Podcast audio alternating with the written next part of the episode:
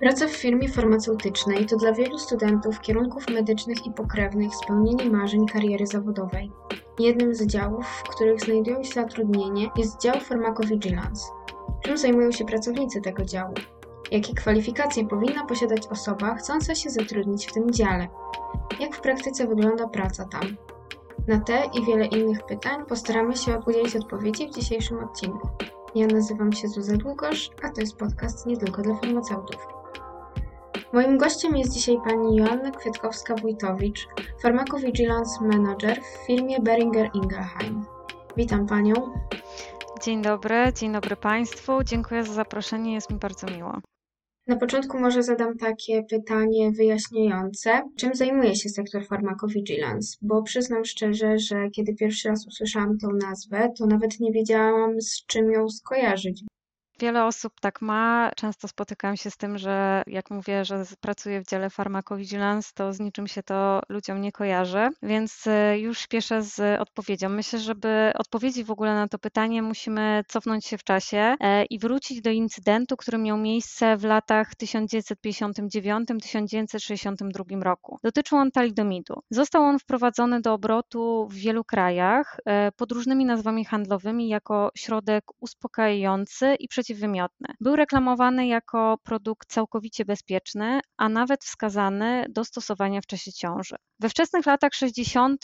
w konsekwencji stosowania talidomidu ponad 10 tysięcy dzieci w wielu krajach urodziło się z wadami wrodzonymi. W konsekwencji tego incydentu e, zostały zainicjonowane pierwsze systematyczne międzynarodowe działania organów regulacyjnych. Ich celem było rozwiązanie problemów związanych z właśnie bezpieczeństwem farmakoterapii to właśnie te działania były początkiem nauki pharmacovigilance. Jeśli chodzi o pharmacovigilance i ideę pharmacovigilance, rozwijała się ona przez lata i skupiała się na zbieraniu danych dotyczących działań niepożądanych i ich ocenie w celu poprawienia bezpieczeństwa produktów leczniczych oraz zapobiegania takim incydentom jak z talidomidem w przyszłości. Aktualnie talidomid wciąż jest obecny na rynku e, i stosowany w leczeniu szpiczaka mnogiego. Oznacza to, że stosunek korzyści do ryzyka w tym wskazaniu okazał się pozytywny. Tak naprawdę, mówiąc o pharmacovigilance, definiuje się go jako nadzór nad bezpieczeństwem farmakoterapii. Mój dział, dział pharmacovigilance, na co dzień zajmuje się monitorowaniem bezpieczeństwa farmakoterapii i obejmuje to działania związane z wykrywaniem, oceną, zrozumieniem i zapobieganiem działań niepożądanych lub innych problemów związanych z lekami. Musimy pamiętać, że po wprowadzeniu leku do obrotu leki są stosowane w bardzo różny sposób. Bardzo często niestety pacjenci nie czytają ulotek, e, nie stosują się do zaleceń, które są w ulotkach, instrukcjach dotyczących e, przyjmowania leków. W związku z tym mogą pojawić się różne nowe informacje dotyczące bezpieczeństwa stosowania leków. Musimy pamiętać nawet teraz w dzisiejszych czasach, że pojawiają się również nowe czynniki ryzyka, takie jak w tym przypadku w ostatnich czasach mamy styczność z COVID. Jest to nowy czynnik, który może wpływać na działania leków. Stąd też wymagany jest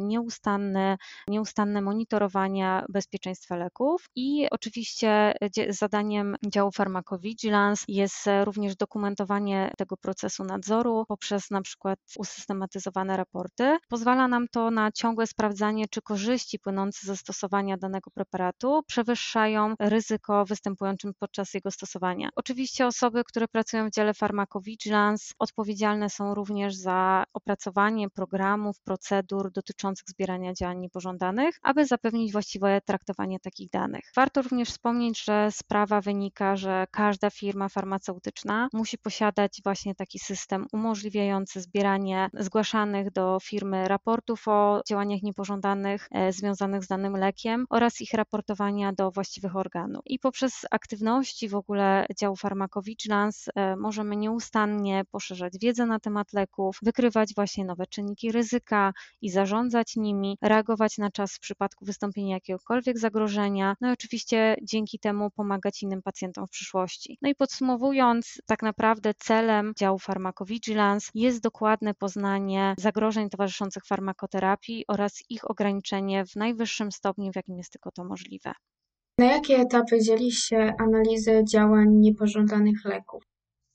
To znaczy tak, jeśli chodzi o etapy y, analizy działań niepożądanych leków, więc e, myślę, że warto zacząć od początku, czyli od momentu, kiedy my otrzymujemy takie działanie niepożądane. Na początku po otrzymaniu takiej informacji sprawdzamy, czy te informacje są kompletne, czy, są, czy nie ma jakichś wątpliwości co do tego, co zostało wpisane. Jeżeli osoba, która przesyła nam to zgłoszenie, zgadza się na kontakt, kontaktujemy się w celu uzupełnienia raportu. Jest to niezwykle ważne, ponieważ im więcej informacji posiadamy na temat e, konkretnego działania niepożądanego, czyli tego, co stało się pacjentowi, jakie pacjent ma inne choroby, jakie pacjent przyjmuje inne leki, kiedy wystąpiło działanie niepożądane, kiedy pacjent rozpoczął leczenie. Są to niezwykle ważne informacje, aby potem jak najbardziej rzetelnie ocenić e, konkretny raport. Po otrzymaniu takiego raportu następnie wprowadzamy go po angielsku, czyli musimy przetłumaczyć cały raport do naszej bazy, gdzie następuje wstępna ocena. Tak naprawdę te dane są kodowane, Tutaj mamy szereg procedur, instrukcji dotyczących procesowania. Jest to e, również te zgłoszenia są wtedy e, dzielone pod kątem ciężkości, czyli też mamy całe kryteria dotyczące ciężkości działania niepożądanego i e, w taki sposób one są również kwalifikowane i następnie przekazywane do dalszej części analizy, czyli do etapu, gdzie następuje ocena medyczna. Następnie po takiej ocenie raporty przekazywane są do Europejskiej Agencji Leków, która jest niezależną jednostką Unii Europejskiej, która ma oczywiście na celu ochronę i promocję zdrowia publicznego i od 2001 roku Europejska Agencja Leków e, stworzyła centralną elektroniczną bazę danych o działaniach niepożądanych, która się nazywa EudraVigilance i pozwala ona również na wymianę informacji między poszczególnymi agencjami rejestracyjnymi. No i my jako firma przekazujemy bezpośrednio do te wszystkie dane do bazy EudraVigilance. W jaki sposób informacje o działaniach niepożądanych leków trafiają do firmy farmaceutycznej? Czy istnieją jakieś miejsca, w których pacjent może zgłosić takie działanie niepożądane? Więc tak, oczywiście każdy pacjent może zgłosić e, działanie niepożądane zarówno do podmiotu odpowiedzialnego, czyli firmy, która zarejestrowała dany lek, może, może zgłosić to do Urzędu Rejestracji Produktów Leczniczych, Wyrobów e, Medycznych i Produktów Biobójczych. Może też e, zgłosić oczywiście do lekarza czy do innej osoby wykonującej zawód medyczny.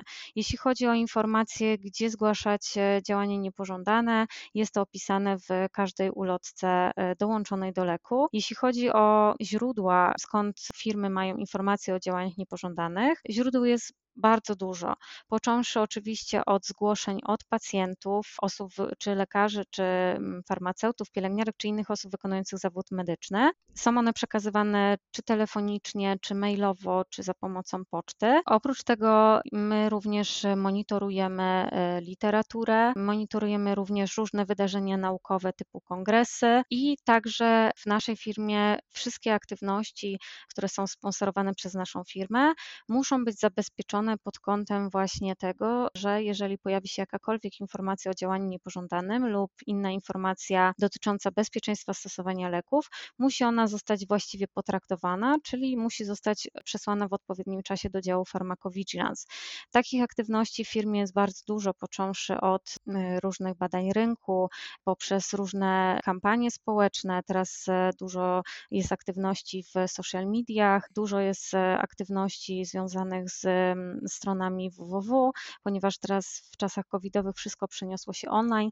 Także tutaj też zadaniem działu Pharmacovigilance jest e, współpraca z innymi działami, aby zobaczyć, jakie są aktywności, czy jest potencjalnie szansa, że podczas tych aktywności wykonywania jest szansa na pozyskanie jakichś informacji dotyczących bezpieczeństwa stosowania naszych leków. I jeżeli tak, no to właśnie w jaki sposób to zabezpieczyć, aby te informacje trafiły do działu Pharmacovigilance. Również mamy też badania porejestracyjne, także tak naprawdę źródeł, y, jeśli chodzi o działanie niepożądane, jest bardzo dużo. Może teraz przejdziemy do takiej części bardziej praktycznej, interesujących studentów. E, jakie wykształcenie najczęściej mają osoby pracujące w firmach farmaceutycznych? Czy są to głównie osoby z zawodem medycznym, czy jednak znajdziemy tam też przedstawicieli innych zawodów? Jeśli chodzi o pracę w firmie farmaceutycznej, tak naprawdę mamy wiele różnych działów, stąd też e, osoby z różnym wykształceniem tak naprawdę mogą znaleźć swoje miejsce w firmie. Zawsze trzeba patrzeć na e, opisy danych stanowisk i jakie wykształcenie jest po prostu wymagane na dane konkretne stanowisko. Czy wielu farmaceutów decyduje się pracować w firmach farmaceutycznych? Myślę, że coraz więcej. Kiedy ja kończyłam studia, niewiele wiedziałam o tym, co w ogóle można robić w firmie farmaceutycznej. Natomiast teraz e, są różne programy ambasadorskie organizowane przez firmy, staże, więc tak naprawdę każdy może poznać specyfikę pracy w różnych działach i wybrać coś dla siebie. Myślę, że to zainteresowanie jest e, wśród farmaceutów coraz większe. Jak wyglądała Pani kariera w firmie farmaceutycznej? Chodzi mi tutaj o staże czy jakieś studia podyplomowe.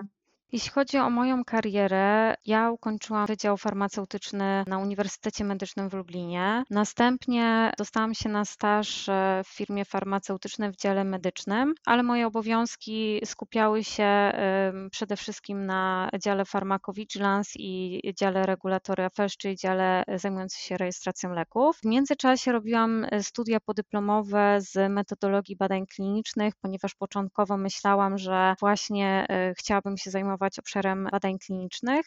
Natomiast e, potem z biegiem lat e, uświadomiłam sobie, że pharmacovigilance to jest e, to, co lubię robić i to, co chcę robić. Jeśli chodzi o moją samą karierę, to tutaj po stażu zostałam asystentką w dziale pharmacovigilance, potem pojawiło się stanowisko na młodszego specjalistę. Początkowo zajmowałam się zarówno i pharmacovigilance, jak i właśnie rejestracją leków. Mój etat był podzielony. Potem byłam specjalistą i też też przyszedł taki moment, że mogłam zdecydować, czy chciałabym być w 100% zajmować się tylko i wyłącznie e, pharmacovigilance i taką decyzję podjęłam. No i potem jeszcze przeszłam przez stanowisko starszego specjalisty, a następnie aktualnie jestem lokalnym kierownikiem do spraw bezpieczeństwa leków.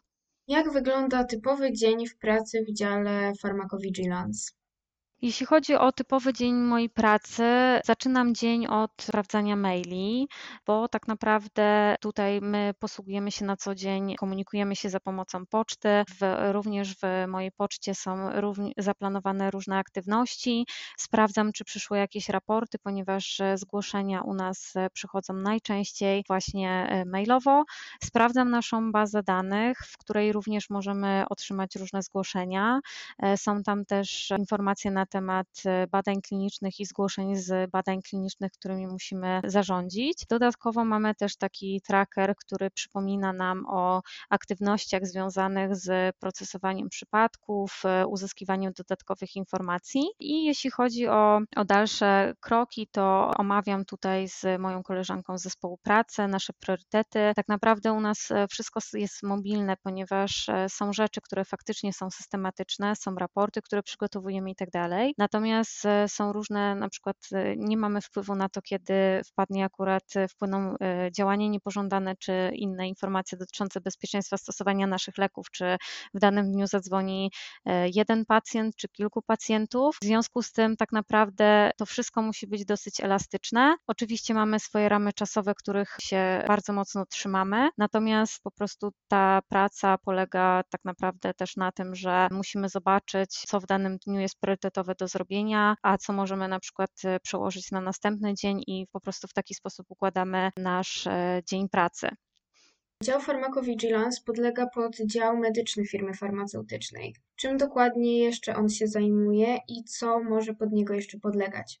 Więc dział e, medyczny w naszej firmie składa się z działu Regulatory Affairs, czyli działu rejestracji leków i tak jak nazwa mówi, jest to dział, który odpowiada za rejestrację leków, ale też utrzymaniem pozwoleń na dopuszczenie do obrotu dla produktów leczniczych, czyli również odpowiada za prowadzenie różnych e, zmian porejestracyjnych leków. Jeśli chodzi dalej, mamy dział oczywiście, e, w którym ja pracuję, czyli dział Pharmacovigilance oraz mamy dział Medical Affairs. Dział Medical Affairs FERS tak naprawdę opracowuje strategię medyczną rozwoju oraz wsparcia produktów i odpowiada za analizowanie i dostarczanie wiedzy naukowej dotyczącej e, danego produktu oraz współpracuje z ekspertami z zewnątrz, na przykład z ośrodków akademickich.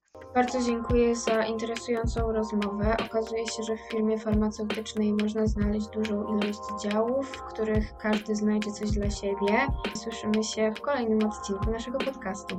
Ja również dziękuję.